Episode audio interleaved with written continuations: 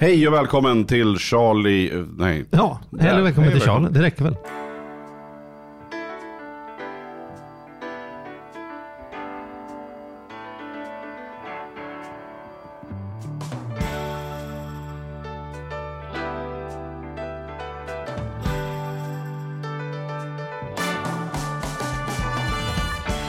Hej och välkommen till Ekonomi på riktigt med Charlie och Mattias. Idag är det en stor dag, vet du varför?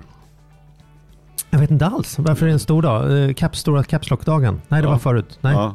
Nej, det bara känns lite stort för att vi har en stor, stor gäst idag. du, du tänkte så? Ja, jag tänkte jag trodde du så. satt med på pottan att du fyllde år eller något sånt där. För Ja. jag har gjort bort mig. Nej, något. men det börjar ju också närma sig nyår här så Ja, eh, det blir ja. ja. kul. ja, Och våran kära sponsor Compriser är ju med oss idag igen. så är det. Så är det. Mm.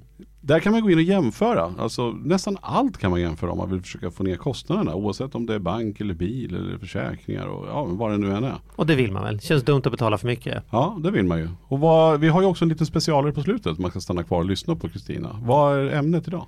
Bilförsäkringar. Det ty tydligen skiljer det snor mycket på olika bilförsäkringar. Så det ska vi prata om idag. Det är på slutet det. Men vi har ju en otroligt spännande gäst som du vet mer om än vad jag vet. Ja men idag ska vi prata om champagne. Det känns ju lämpligt så här när vi, det kan man ju säga, går mot champagnetider. Verkligen. Det ska vi fråga Kristoffer om, vad man ska ha för nyårschampagne och sådana saker. Men, men ehm, jag kan ju inte så himla mycket om vin. Det märkte man ju tydligt när vi hade, för några veckor sedan, när vi gjorde ett program om vin här. Mm. Jag lärde mig massor. Men eh, tänker att jag ska odla det intresset mer, förstå mer, eftersom jag är intresserad av mat. Och då har kommit i och, kontakt jag har med... Mm. alltid, förlåt, men jag har alltid tänkt så här att, att champagne då tänker jag att man begränsar sig lite. För ska man börja kunna saker om vin då känns det som en oändlig. eh, Så här, jag vet Mm. inte hur, måste man vara fruktansvärt. Alltså man måste lära sig så oerhört mycket. Och jag förstår att man måste lära sig oerhört mycket om champagne också. Men då kan man åtminstone fokusera på en druva, en region. Det känns lite Mm. mer, tänker jag då. Så jag har ju länge tänkt på att jag skulle vilja lära mig mycket mer om champagne. Mm. Så att en bra, en bra start kan väl ändå vara att vi snackar lite med dagens gäst. Då. Jo men så började det för mig att jag, börjar köpa lite champagne för att jag, jag tänker att det är, väldigt roligt, det är väldigt roligt att lära sig. Alltså man får ju dricka champagne. Det är ändå det som pågår. Så det, det tycker jag. Och, och eh, ganska mycket roliga intressanta människor. Och då har jag lyckats eh, eh, springa på eh, lite halvhemligt eh, svenskt eh, champagnehus. Tänker man Ja. så här, hur går det ens till att vara så här, liksom något, något, det, det står hatt på flaskorna och inte så här blu, lyck, lyck, blu, blu, liksom. Ehm, och då kom jag i kontakt med Hatt och Söner och eh, mannen som har fått igång den här tokiga idén har vi fått in som gäst idag. Så vi välkomnar, vä, vi välkomnar Hur går det varmt. gubben? Har du fått för många glas innan vi har börjat ens idag? Nej, jag var tvungen att värma upp. ja, men, Kristoffer Rousseau, välkommen in!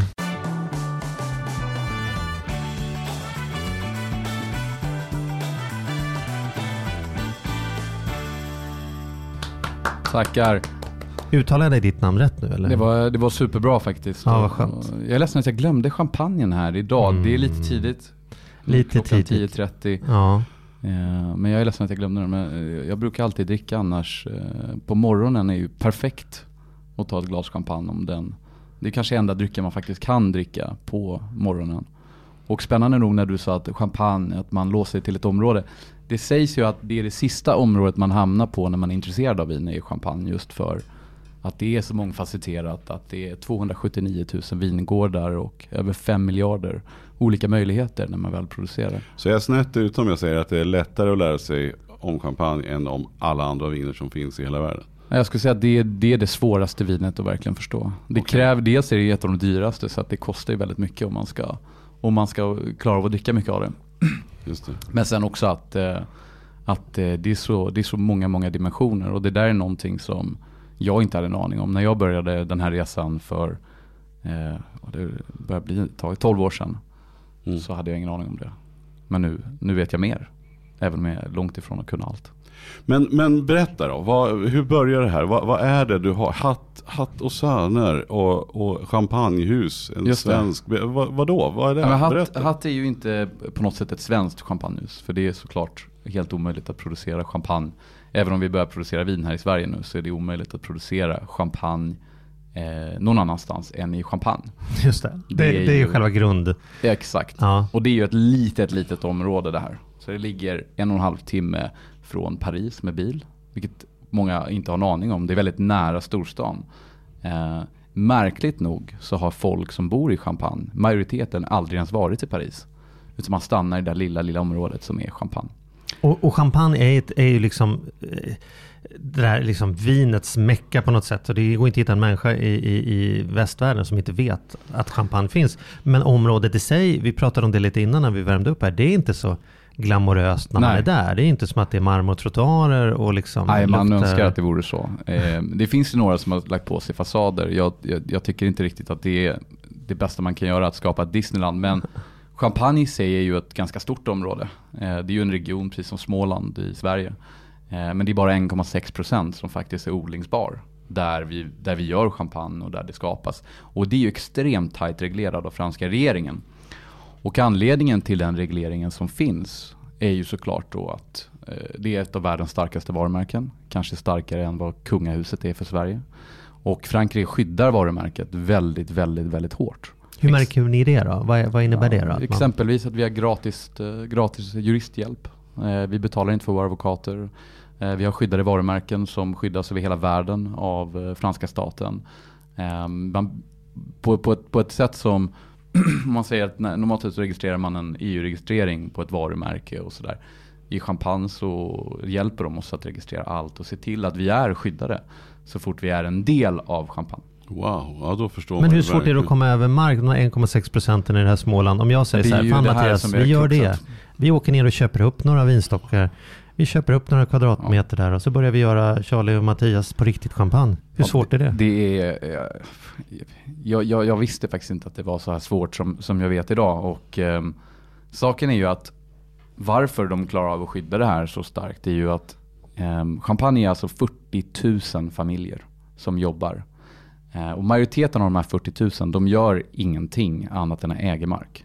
Men hälften, nästan hälften, producerar faktiskt druvor. hälften producerar faktiskt druvor.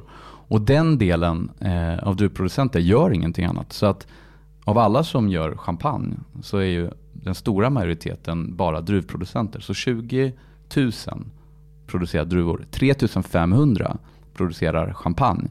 Men då har man bara rätt att producera på den marken man faktiskt fysiskt äger. Och där har du första barriären.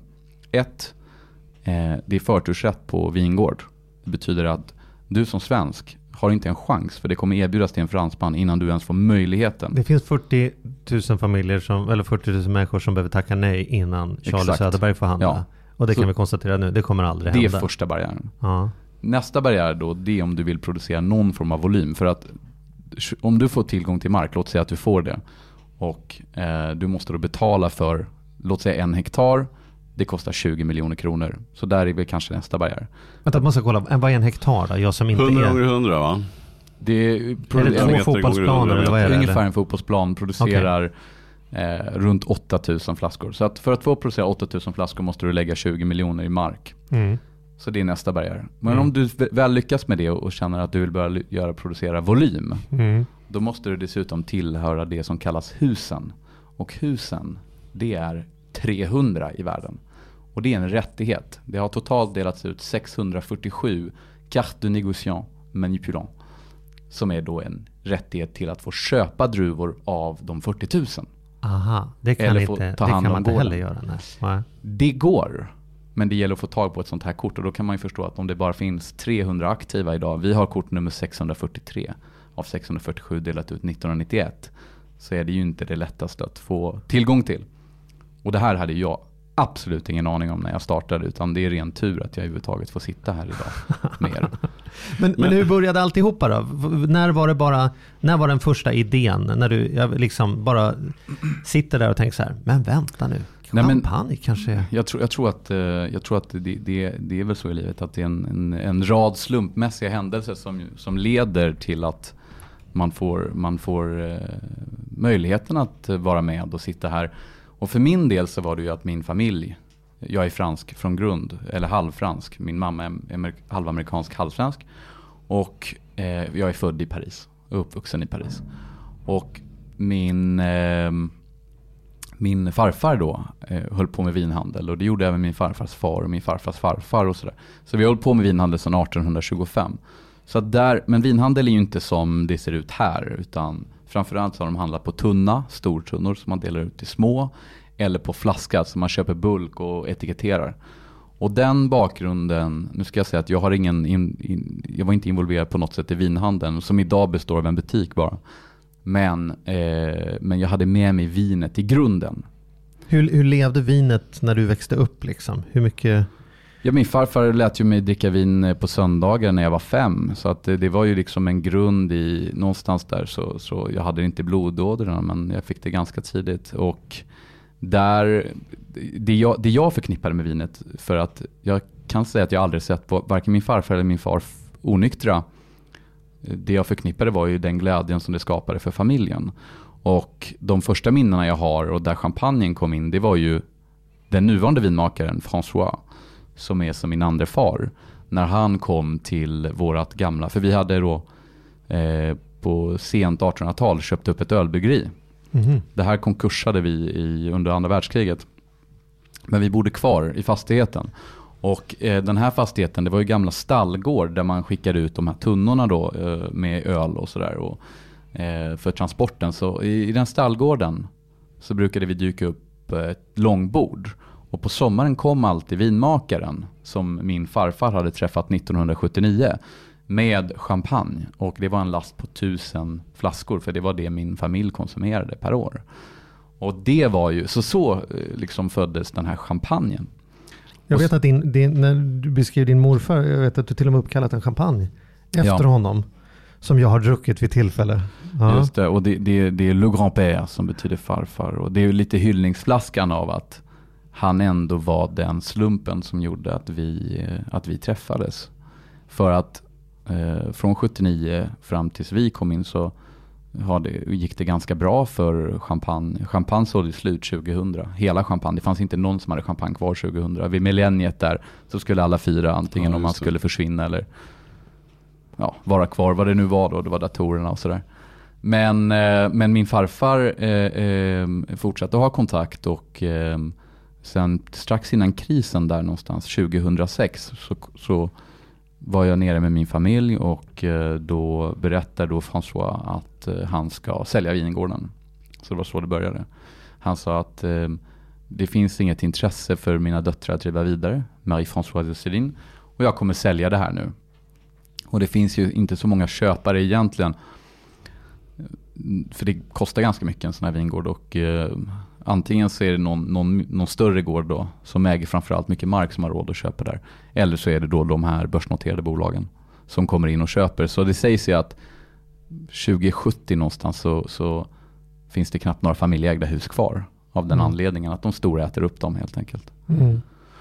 Och det var ju väldigt tråkigt för mig, så den sommaren så eh, funderade jag extremt mycket. Jag var ju 21 år gammal då. Och Men bodde kände- du fortfarande i Paris? Eller då Nej, bodde, du... i- då bodde jag i, i Lund faktiskt. Mm. Och eh, jag var 21 år gammal och jag, jag kände att det här, det här är min grej, jag måste göra det här.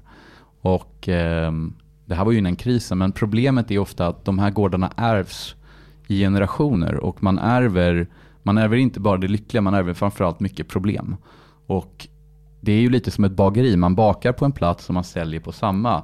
Och man tar ut väldigt lite marginaler. Så det finns liksom inget utrymme för att växa och man fastnar ofta i den här, i den här eh, produktion och sälj på en plats. Så det är butiksförsäljning liksom. Och det hade de gjort och de hade stagnerat många år.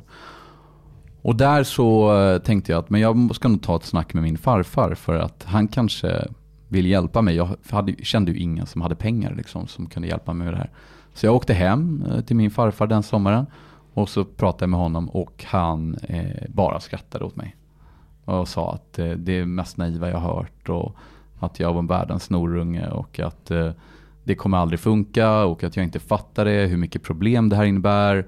Att man måste binda kapital, att när man ska öka volymer så är det fem års bindning i källaren och bara sådana här grejer. Han, han läxade upp mig ordentligt då.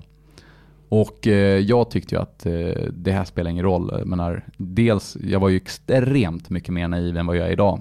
Vilket är lite synd för att det var en av mina största styrkor och kanske fortfarande. Men, men jag, var inte, jag var helt orädd också så att jag sa ju till min farfar att du, du har helt fel, jag ska visa dig att det här kan man minsann göra. Så jag åkte vidare och träffade min far. Och min far är ju en fantastisk man. Han är extremt generös alltså som, som människa. Så han, Vad, vad gjorde han på den tiden? Eller gör? Eller? Ja, då hade han precis pensionerat sig så att han eh, Han var 62, 63, förtidspensionerat sig och så tyckte att eh, ja, han ville väl vara pensionär. Det, det, det ska jag säga att idag så eh, vid förra eh, vid förra bolagsstämman så kom han dagen innan och sa att han hade ångrat sig igen. Att nu ska han ändå inte pensionera sig och att han vill fortsätta jobba. Så att han är kvar. Mm. Eh, men då så sa min, min pappa ungefär samma sak som min farfar gjorde. Lite mer för att jag skulle vara försiktig. Och sen så hjälpte han mig lite att skriva mitt första avtal. Och han var väldigt eh, bra där för att han lät mig göra allting själv. Men med lite tips. Så att jag skrev mitt första kontrakt för hand eh, med en vanlig penna. Och sen så åkte jag ner till vinmakaren och så sa jag, här har du mitt förslag. Och förslaget var då att jag kommer inte kunna komma in med några pengar nu, eller ytterst lite. Jag hade en, en besparing på 150 000. Jag kan, men jag kan inte komma in med några riktiga pengar nu. Utan Eh, jag kommer göra allt för att vi ska sälja mer. Och jag kommer med tiden köpa in mig i det här. Och, eh, och där fanns det ju så här förtursrätt, stod det. Att han fick inte sälja till någon annan. Så här. Ärligt talat så hade det här ju inte hållit någonstans idag. Det hade varit helt omöjligt. Så att jag förstår att han tyckte mer så här, ja, jag låter honom göra det här. Och, och, så, och som tur var så litade han ändå på mig. Och där... Men eh, varför gjorde han det? En ja, 21-åring jag från Lund inte. som har en, en, en farfar som kan detta och Ja. säger så här, du är en idiot. En pappa Ja. som säger så här, du vet, det kommer inte funka. Men är det inte passionen för champagne han också kände? Jag att tror du att var han- pensionerad för det här liksom? Hans döttrar vill inte ta över. Jag tror att han såg mig och det kan man fråga honom idag. Han såg mig en son. Alltså. Mm. Så att, eh, jag tror att han såg att det var någon annan som ville brinna för det än bara, eh, än bara ingen alls. Så att helt plötsligt var vi två. Och det var det jag tror att han tog in mig på. Sen så eh, lite att han hade ingenting att förlora. Han skulle ändå sälja den här gården. Och, eh, men han gjorde det. Och det var ju hela starten.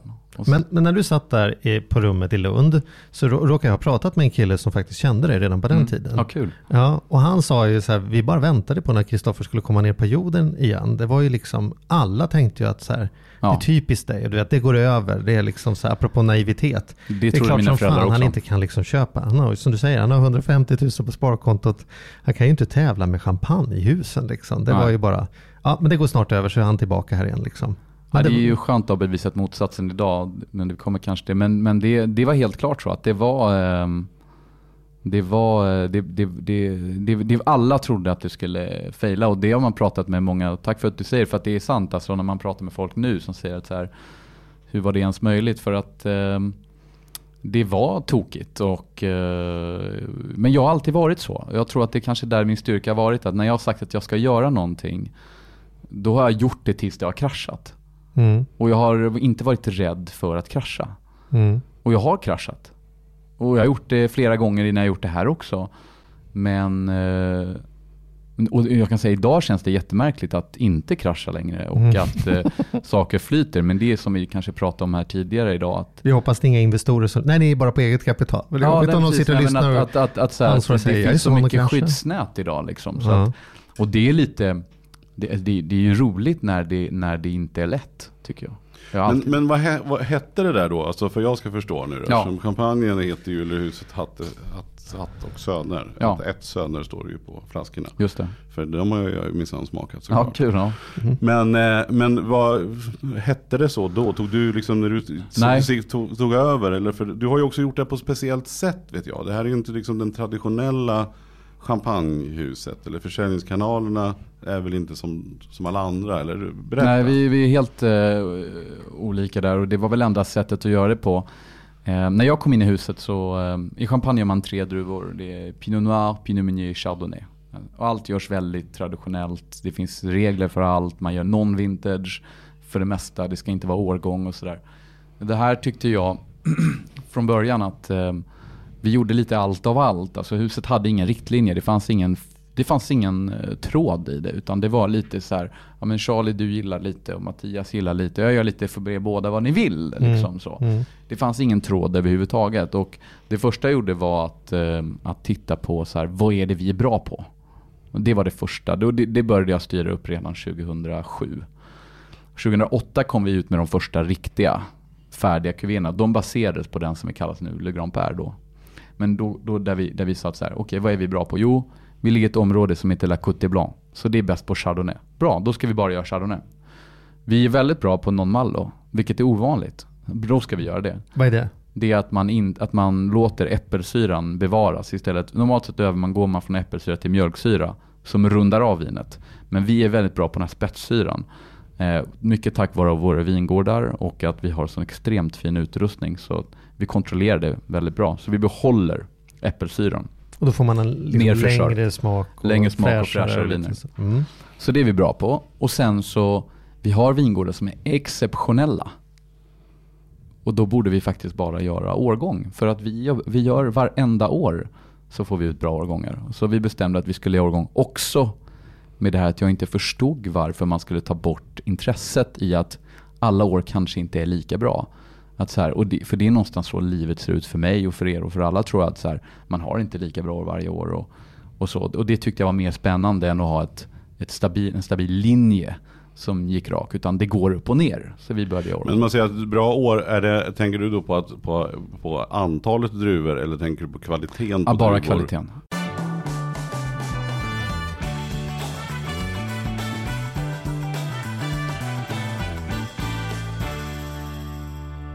En 21-åring som kommer där från Lund och inte har liksom sex generationer av champagnemakare säger så här, Fransa, nu gör vi så här, vi kör bara ja, det här. Ja, du, ja. ni som gör så här, ni gör bara de här. Alltså varför lyssnade någon på dig där liksom? Ja, det, det, det, det, det kan man verkligen ställa sig frågan och jag måste säga att det gör jag också ibland. Jag tror att eh, han hade inte så mycket alternativ. Alltså det var, det var antingen att sälja det och, och, eller tro på att mina idéer kring hur vi skulle kunna göra vin. Någonstans så måste all all produktion utgår från en försäljning. Så tyckte jag i alla fall. att Har vi en idé om vad folk kommer tycka om eller har vi en idé om vad vi kan göra bäst så, så måste vi göra det istället för att ehm, och, och, och eftersom jag då var säljkanalen och eftersom jag tog över den delen så, så var det ju jag som skulle ställa kraven för vad vi behövde göra och inte tvärtom.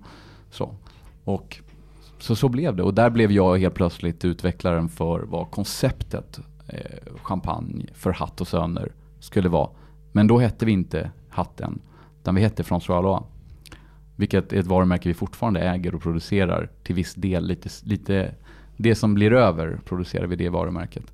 Men vi hette fortfarande François Alois och eh, tiden gick då såklart och vi fick ju eh, eh, mer och mer utmaningar för att vi hade inga pengar. Och där då så kom vi på att vi måste hitta, börja leta finansiell hjälp då. Och då hittade vi eh, det i Sverige två stycken investerare som gick in. Det här var 2010-2011. Och det var det mest fantastiska och katastrofala som har hänt eh, mig faktiskt. För att dels gick vi från en dag till en annan så gick jag faktiskt och eh, blev ägare till 50% av champagnehuset genom då kapitalinförsel. Men eh, framförallt så fick jag ju då andra krafter som ville bestämma och säga vad vi skulle göra och inte. Då. Eh, och, och det här eh, på många sätt så hade det aldrig varit möjligt utan de här människorna. Så jag vill aldrig på något sätt säga att de var dåliga eller gjorde fel, utan de gjorde det på sitt sätt. Men för mig var det här, det här var ju min livsdröm och är fortfarande. Det här är det enda jag vill göra i mitt liv. Och jag hade ingen ambition att dressa någon brud eller eh, sälja av det. Fortfarande ingen ambition att sälja av det. För att det, det känns ju meningslöst när man gör det man älskar varje dag.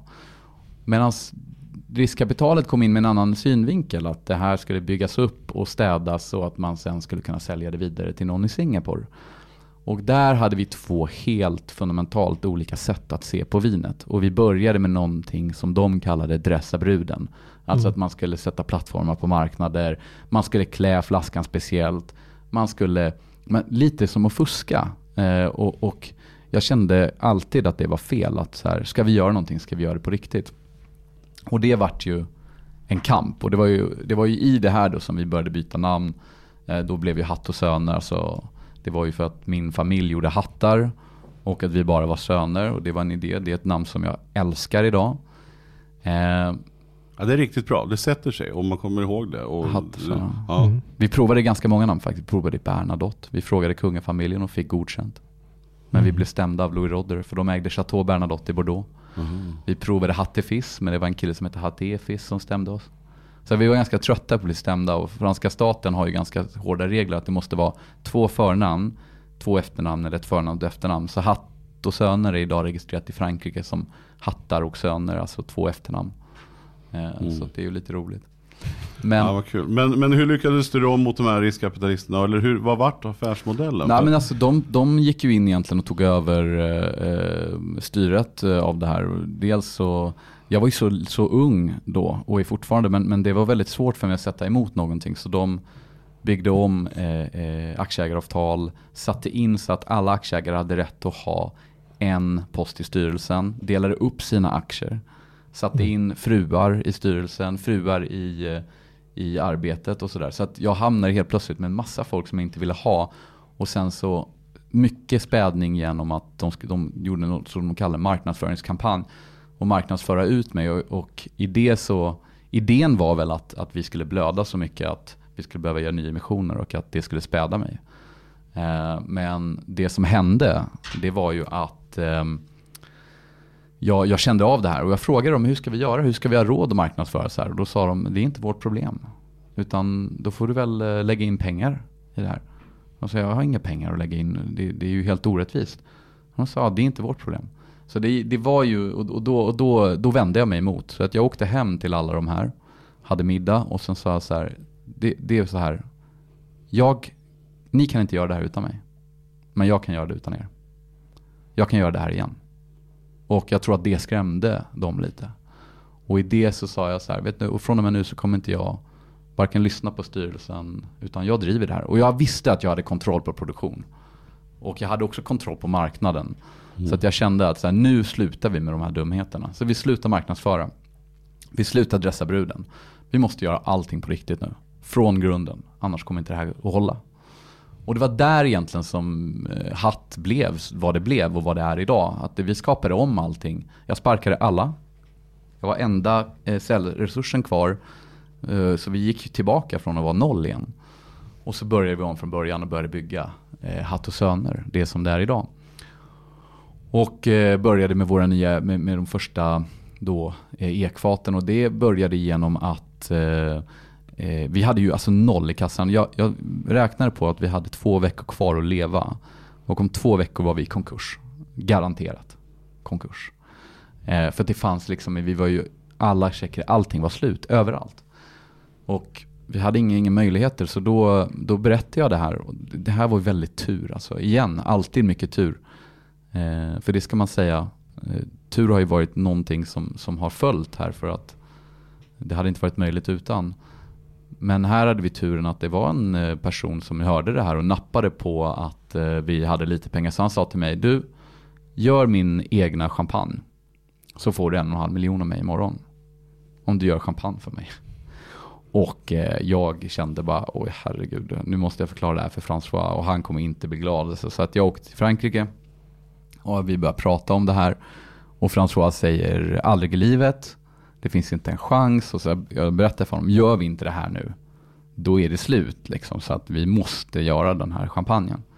Och han sa, men hur ska kvaliteten bli? Och man delar upp det i så små delar. Och han var ju liksom inte confident över det här.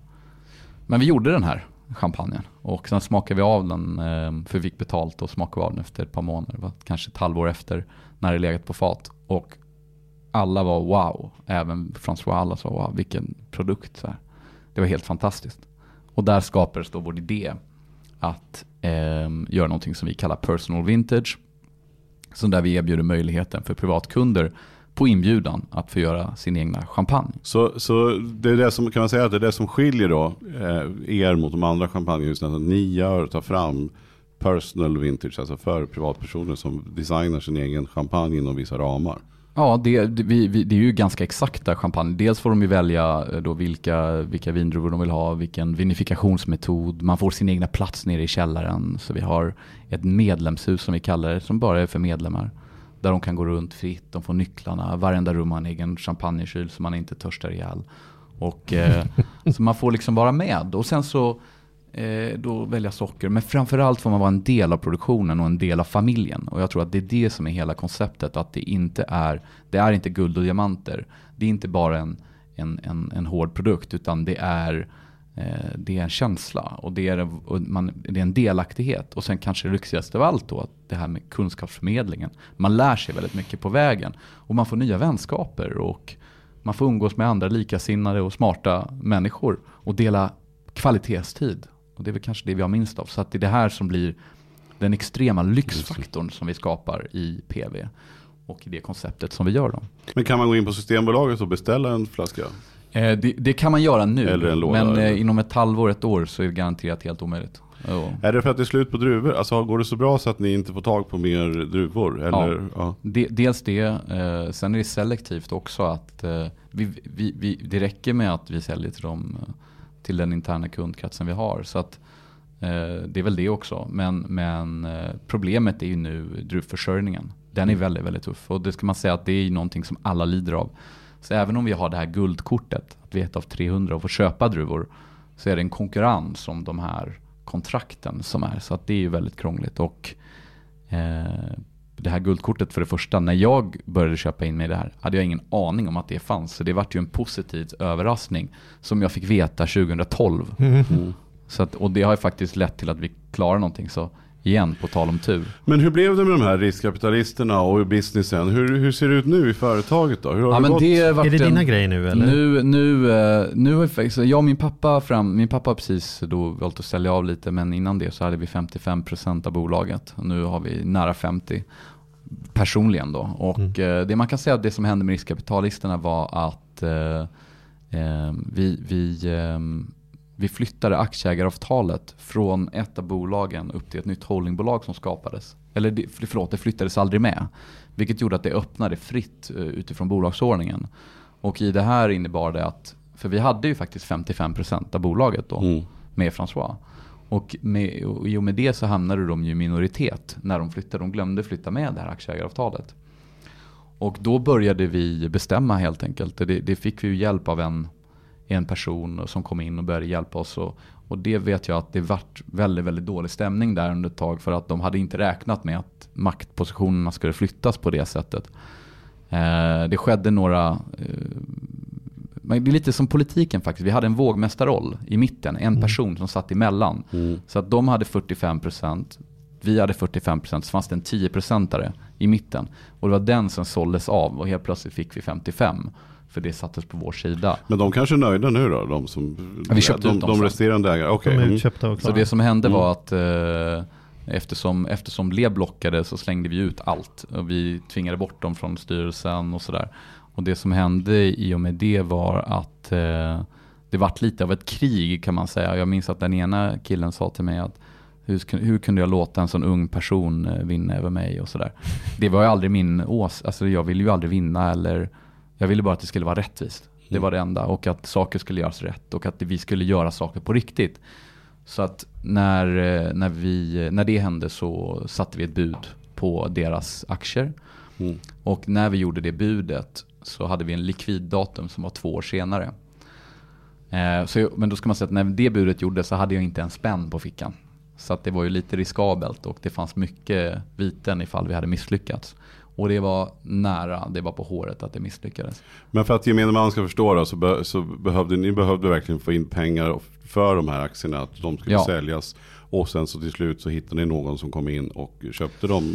Köpte dem Jag 45%. väntade lite, alltså jag, det var ganska, jag, jag, var inte, jag ville inte hitta pengar direkt. Dels för att jag trodde att, vi, det kändes som att vi var på tillväxtsidan, att vi var på väg uppåt. Och då kände jag Du så här, tänkte du kan skapa pengarna internt? Exakt, liksom. vi, vi måste vänta. För väntar vi och vi växer, då kan dels värdet öka. Och det gjorde det. Så när jag väl sålde aktier så var det för tre gånger pengarna. Mm. Och jag tog ju mellanskillnaden där.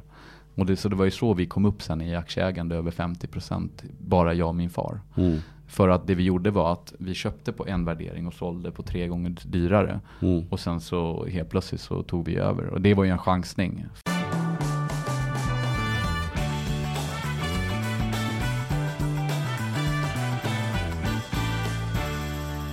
Men eh, du säger att du vill inte göra något annat och du har inga planer på att sälja. Men, men kan du plocka ut ordentligt med lön nu då? Så att du lever gott och eh, räcker? Ja, ja, det, Är du hemma så att säga? Är du Det- liksom klar om du vill?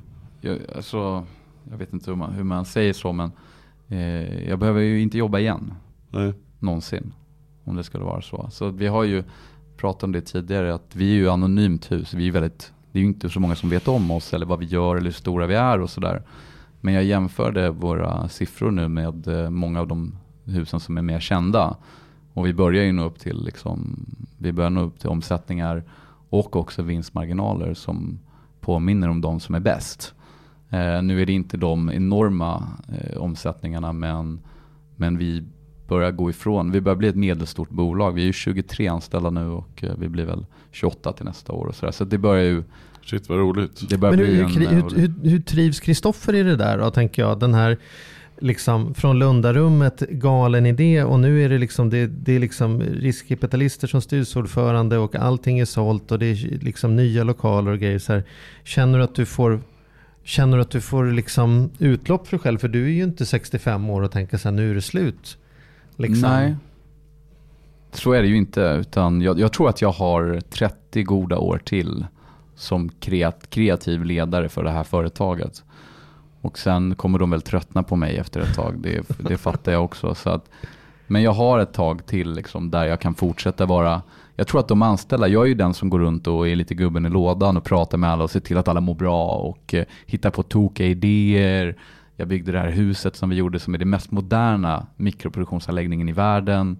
Vi håller på att bygga en enorm... Du berättade för mig att det var högre än, än kyrkan i byn. Ja, Så du var tvungen att pröjsa ja, kyrktaksomläggningen för Ja. att få tillstånd att bygga Ja. högre än kyrkan. exakt ja. Så det är den där typen av galna saker som bara Det var händer den kring där- Men det är klart, då får du utlopp då. Du, så du behöver inte snegla på andra business. Utan du, har, du känner att du, kan- du, har, du kan, Du kan få hitta på galna för grejer grejer inom, Ja. inom ramen för företaget. Saken är väl att, att eh, jag, jag tycker om företagande. Jag tycker att det är väldigt roligt. eh, Så. Sen så har jag alltid varit kanske en för stor risktagande person. Eh, och jag, jag ska säga att jag mådde kanske som sämst och bäst när det var svårast. För att då vill jag förändra världen varenda dag. Idag är det mer strukturerat eh, förändra världen. Det är inte lika aggressivt och ehm, de penseldragen som förut var världsstörst, de är fortfarande enorma och vi har en väldigt, väldigt skalbar verksamhet skulle jag säga. För, men där får jag hitta på nya saker. Till exempel har jag skapat eh, ett nytt bolag där vi köper mark. Och där vi, tar in, vi har tagit in 80 miljoner där och vi håller på att ta in en kvarts miljard för markköp där vi hjälper till eh, för folk att investera. Det är en väldigt säker placering. Så har man en stor portfölj så hjälper vi med det. Eh, och, och det ger ju oss mycket utrymme för att kunna producera mer och vi håller på med att göra en skulptur nu i vingården och eh, när den blir klar så kommer det bli en världsnyhet. Jag vet inte ens hur vi ska hantera PRn som kommer vara kring det. Men där vi bygger en skulptur som är nio meter hög och gör champagne av den mitt i vingården. Eh, aldrig gjorts innan. Så att jag får utlopp och jag ska säga att det, de som är med idag är folk som förstår att den dagen vi slutar bend the curve och den dagen vi slutar ha kreativiteten är den dagen vi dör. Så vi måste fortsätta ha den kreativiteten samtidigt som att det inte får eh, sätta risk på hela verksamheten. För att som det här huset som vi byggde, när, när jag tog beslut på det, då hade vi noll kronor i kassan. Och det var nära att sätta oss i konkurs. Så att bara man gör det, man, man kalkylerar risken idag mer. Mm. Mm. Men fortfarande mot ett kreativt mål och där eh, det kreativa målet får ta på vinsten. Så. Det är inte det viktigaste att vi, att vi delar ut vinst till aktieägarna. För det är ingen som vill ha utdelning. Utan vi lever bra. Hur ser det ut med familj då? Hur ser familjen ut?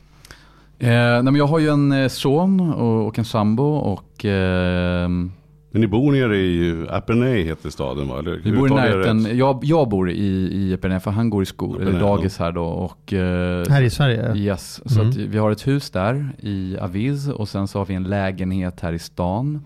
Och eh, familjen tycker jag är väldigt, väldigt viktig. Det är mycket, mycket svårt att balansera det och det ser man ju på många när man får träffa lite folk att det är inte lätt för någon och man får väl alltid leva med den ångesten. Eh, men, men, eh, men det är väldigt viktigt för mig att få vara pappa och där är ju därför jag är i Stockholm två veckor i månaden och reser så mycket som jag gör. Jag tar ju över 120-130 flyg per år. Av anledningen av att jag vill vara med min son åtminstone två veckor i månaden helt, helt fullt. Då. Och, eh, och det går ju ut över mycket saker. Jag tackar ju nej till många stora kunder och stora evenemang och så vidare där jag inte kan vara med. Eh, och jag har, det har gått ut över vänner kanske framför allt. Men det är väldigt, väldigt viktigt för mig.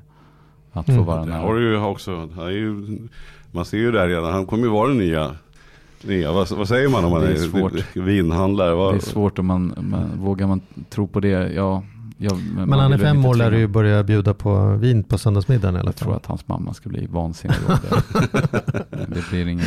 Men du Kristoffer, när vi ändå har dig här. Det här är ju otroligt intressant och man skulle kunna tolka detta som en, någon typ av så sale pitch man kan köpa med grejer. Man kan ju inte köpa dina flaskor om man ska fira nyår nu så, så är det inte så himla lätt som man bara går in och systemet säger då tar jag hatt och söner. Men skulle du kunna hjälpa oss med något sånt här, hur Ja. ska man tänka? Det står, jag fick frågan innan, fråga nu Kristoffer, det står så mycket olika saker på flaskorna. Liksom. Mm. Vad, vad, vad, finns det något så här, ge oss snabbguiden till hur man förstår vad man egentligen köper.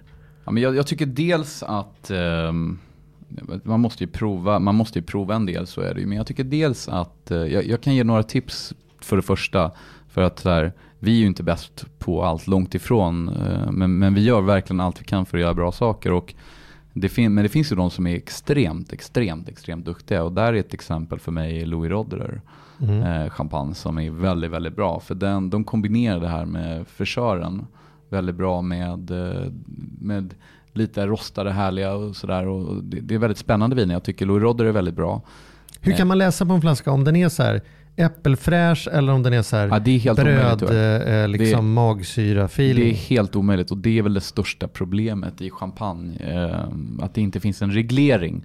För de här flaskorna, hade det stått om det var Mallo eller non Mallo eller om det stått att det var årgång eller inte. eh, För ibland är det årgång men så står det inte på flaskan. Men det man kan läsa av på flaskan, det är i alla fall vad är det för producent. Och Mm. då finns det riktlinjer man bör titta på. Det är en kod som är på baksidan eller framsidan. Och den börjar antingen med eh, RM, NM. Så RM är Ricordo Manipulan. Det betyder att det är en gård som gör på sina egna vindruvor.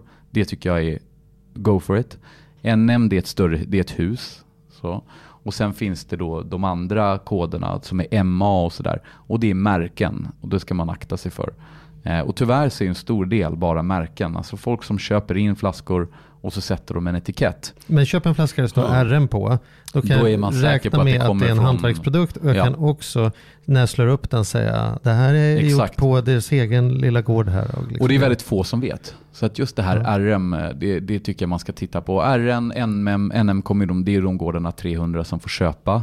Och sen, eh, sen är det ju torrheten. Och där ska man passa sig. Många tycker ju om att de är lite torrare. Och då, hur, ser jag, hur ser jag, det är hur mycket socker man har tillsatt. då står det, eh, de torra är ultra brutt, extra brutt. Eller, eh, ja, och ultra brutt eller extra brutt står det på dem, eller zero dosage. Och sen så brutt, det betyder torrt. Och allt utöver det, det är ju söta viner. Så att brutt, då, då är man ganska safe för att de är, de är lite sockrade men det, det blir trevligt. Är man torrare än så, då ska man ändå vara försiktig för att där kräver druvkvaliteten så pass mycket av vinet att eh, om det inte är en riktigt, riktigt bra vin så kan det bara bli att det smakar dåligt istället. Så du säger när jag köper en extra bukt då ska jag se till att det är en RM i alla fall? liksom. Ja, precis. Se till att det är en bra. Ja. Och då måste jag, för att hålla det lite enklare här nu för folk som inte har så bra koll på Mhm. det här som ni har. Men det sen brukar det stå Blanc de Blanc är ju en variant. Vad Ja. betyder det? Det är ju vitt, alltså det är ju tre druvor i champagne då. Chardonnay som är de vita druvorna, det är kungen av alla druvor. Mm. Som helst chardonnay säger du att man ska, eller? Nej, det beror på till. Alltså Chardonnay är den som är fräschast. Då ska man dricka, låt säga på nyår, till exempel om det är det vi är ute efter, så är ju Chardonnay fantastisk. Alltså det kommer vara fräscht, man kommer må bra, man får inte så mycket huvudvärk, det är en trevlig dryck. Eh, tycker man då om lite tyngre viner, om man ska gå på matvinerna, då är det ju eh, Pinot Noir, som är då den kraftfullaste. Och eh, Pinot Noir, det är ju, det är ju, det är ju egentligen en, en, en, röd, svart druva, men där skalet färgar och när man pressar den så kommer såklart inte skalfärgen i vinet så att det blir ju vitt ändå. Eh, Men Blanc de Blanc är ju då bara vita druvor och Blanc de Noir då åt andra sidan är bara svarta. Men då kan det Mhm. också vara Pinot Meunier och Pinot Meunier är en liten mer eh, eh, accessible, trevlig druva som är, den är lite alldaglig och den, den faller platt. Men den Lite är väldigt utfyllnads- eh, flattering. Det har lite utfyllnads Ja. Mm. den minskar ju såklart, det är färre och färre som använder den. Så om man ska hitta någon i någon medelklass då som ändå är fräsch, liksom, så är det till nyår då, är det, är det Blanc de Blanc du rekommenderar? Ja, men jag skulle säga, eh, där kan man titta på till exempel Pierre Peters, Blanc de Blanc är väldigt bra. Den säljs, det är en storsäljare i Sverige. Pierre Peters är fantastisk. Vill man gå Pinot Noir då så kan man ju gå på eh, Chloé som många tycker om. Som är inte så dyr men också eh, svarta druvor istället. Så att där kan man ju ställa dem mot varandra. Så Mm. absolut. Men Och prosecco är inte att tänka på va? Prosecco, jag vill inte säga något dåligt om dem. eh, Så. Men, men, vi, men vi fick ett bra tips utav, vi hade en, en sommelier här för som sagt några veckor sedan vi pratade in. Ja. Och, och han- tyckte att man kunde, för att för liksom börja hemma få någon referens, nu är champagne, kostar ganska mycket då, men om man, är, om man ändå ska dricka champagne, om man är fler så kan man dock öppna två olika sorter och så låter man att man provsmakar. Så att man själv bygger upp en referens. Det tycker du Det är är en bra? jättebra, alltså de här knytkalasen som folk gör där man, jag menar, några, ja, jag vet inte, vi är vana vid när vi gör resor att folk dricker tre och en halv flaska per dag per person. Så att det är väl svårt, men det skapar ju en god vänskap i alla fall.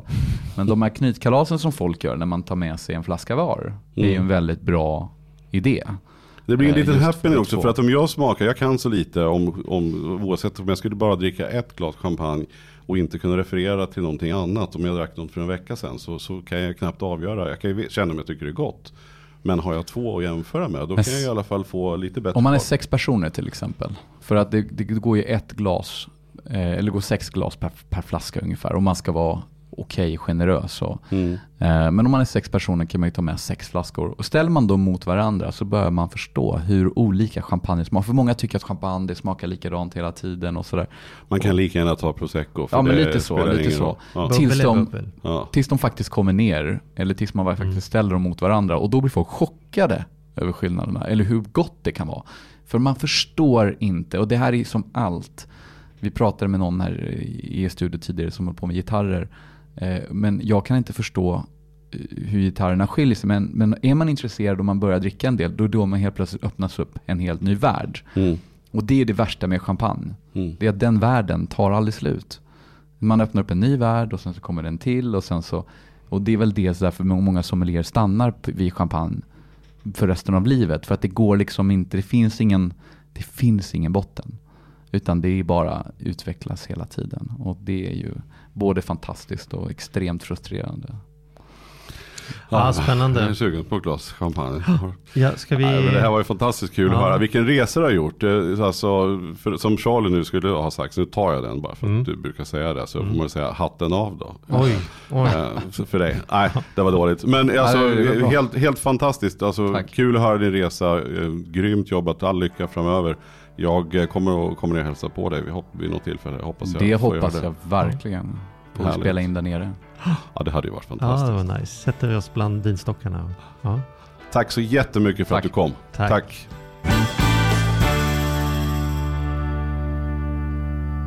I veckans snabba med Compriser och Kristina så ska vi snacka bilförsäkringar idag. Varför Precis. säger du Compressor och Kristina?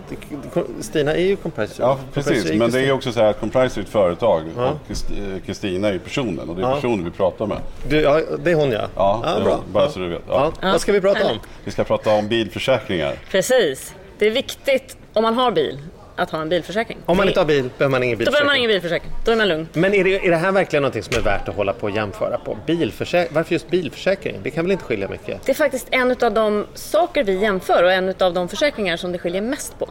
För eh, de olika försäkringsbolagen tittar på skadestatistik och de fokuserar på olika bilar, olika områden, städer etc. Så det kan skilja enormt. Så att bara gå till sin, sin, eh, försä- sitt försäkringsbolag där man har sitt hus till exempel kan vara en riktigt dålig idé. Utan man måste jämföra. Och det där känner jag också, för sen är det också så att varje bilmärke har ofta sin egna försäkring. Så köper du en Fiat så, så kommer Fiat att erbjuda dig en försäkring. Och det är ju supersvårt att veta, så här, "Ha, ska jag ha mitt vanliga gamla försäkringsbolag nu eller ska Ja. jag använda den där? För det verkar ändå vara ett erbjudande. Så. Precis, det är då man ringer oss som har liksom proffs och sitter och vet exakt vad man bör ha och vad det kostar. Så bra. Perfekt, men sen finns det ju egentligen tre olika sorters bilförsäkring kan man säga, om man ska förenkla lite grann. Precis, och trafikförsäkring det är något man måste ha. Så fort man sätter sig bakom ratten på sin nya bil så måste man ha trafikförsäkring. Det är enligt lag, annars blir det dyrt och väldigt dumt. För den ska liksom eh, eh, vara var till för dig om någonting händer om du blir skyldig för att Just köra det, det är på om någon du kör annan. på någon annan. Precis. Det är egentligen för motpartens skull. Ja, eller precis, för den som precis. täcker inte någonting på din bil. Nej. De två andra då? Det är de vi Ja, den andra det är helförsäkring. Eh, eh, täcker ju eh, både liksom karossen och allting om du är med om trafikolycka men också maskinskada och, och brand och stöld och allt sånt där. Så det är, det är den stora försäkringen och ofta har man vagnskadedelen då som det heter eh, även inkluderat i en ny bil de första tre åren. Så Just det, ofta, det som skiljer mellan halvförsäkring som ju är brand och stöld egentligen bara. Ja. Och säger man helförsäkring så är det ju också vagnskada. Det vill säga att man får ersättning om det blir skador på ens egna bil. Ja, om man är med i en bilolycka eller, Just eller det. krockar. Så halvförsäkring krockar jag får jag skylla mig själv och helförsäkring krockar jag så ska jag få en viss kompensation. Precis, för och sen när bilen bli- blir äldre så kanske man får fundera på också, är det värt, när den är riktigt gammal, är det värt att betala massa pengar för en, en stor försäkring? Eller räcker det att ha en trafikförsäkring för att du tänker att kraschar jag så, så, så får den gå till tippen? Jag, vill, jag vill slänga in en liten personlig sak här också. Jag köpte en, en veteranbil för skojs skull. Eh, och den bilen så... Veteranbil låter ju som om det var någon gammal Rolls Royce. Det var en gammal Saab. Ja, jag har en gammal Saab V4 Ja. Mm. från, från 73. Ja. Eh, typ 20 år yngre än dig. eh, men, men den i alla fall så behöver man ju inte ha faktiskt trafikförsäkringen så länge man inte ska åka med den. Så länge det står absolut. ett garage. Eh, det kan man ju också vara bra att veta. Att Ja. man måste inte ha trafikförsäkring bara om man sätter sig bakom ratten. Precis. Man kan ställa av en bil till exempel på vintern om man inte använder den så slipper man betala försäkringen under den Mm. tiden. Kan Det- man bara ha stöldförsäkringen och kolla vad som Precis. gäller där. Är det värt att ställa av bilen om man ska vara Det borta kan i vara två värt om det, är månader, väldigt, liksom? om det är väldigt dyr försäkring men det, det är viktigt att komma ihåg att ställa på den igen. Alltså. Ja. Annars kan det bli Ja. väldigt dyrt. Bra. Några andra råd om hur man gör själva jämföreriet då? Eller? Ja, eftersom det finns... eh, De, de flesta bilförsäkringar är väldigt lika. Det är, nästan allt ingår hos alla. Men det viktigaste självklart är att kolla vad är det för, vad är det för villkor, vad är, vad är det som ingår så att du får det du vill ha. Och sen jämför du pris. Och det finns enorma prisskillnader. Nu finns det ju sådana här köra, eh, betala som du kör försäkringar också där du kan komma ner rejält som, som är bra om man kör bra och inte kör för mycket. Etc. Så att jämför, kolla, välj den eh, som, där du får ditt skydd som du vill ha för lägst pris. Du kan spara mycket pengar. Tack. Tack!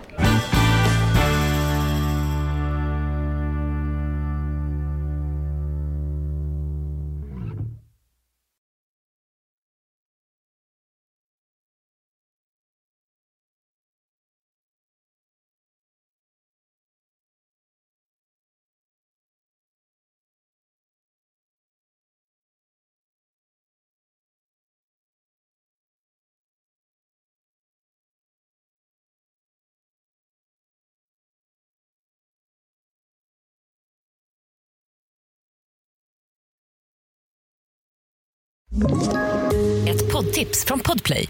I podden Något Kaiko garanterar östgötarna Brutti och jag, Davva, dig en stor dos skratt. Där följer jag pladask för köttätandet igen. Man är lite som en jävla vampyr. Man har fått lite blodsmak och då måste man ha mer. Udda spaningar, fängslande anekdoter och en och annan arg rant. Jag måste ha mitt kaffe på morgonen för annars är jag ingen trevlig människa. Då är du ingen trevlig människa, punkt. Något Kaiko, hör du på Podplay. Därför arkadeinerna.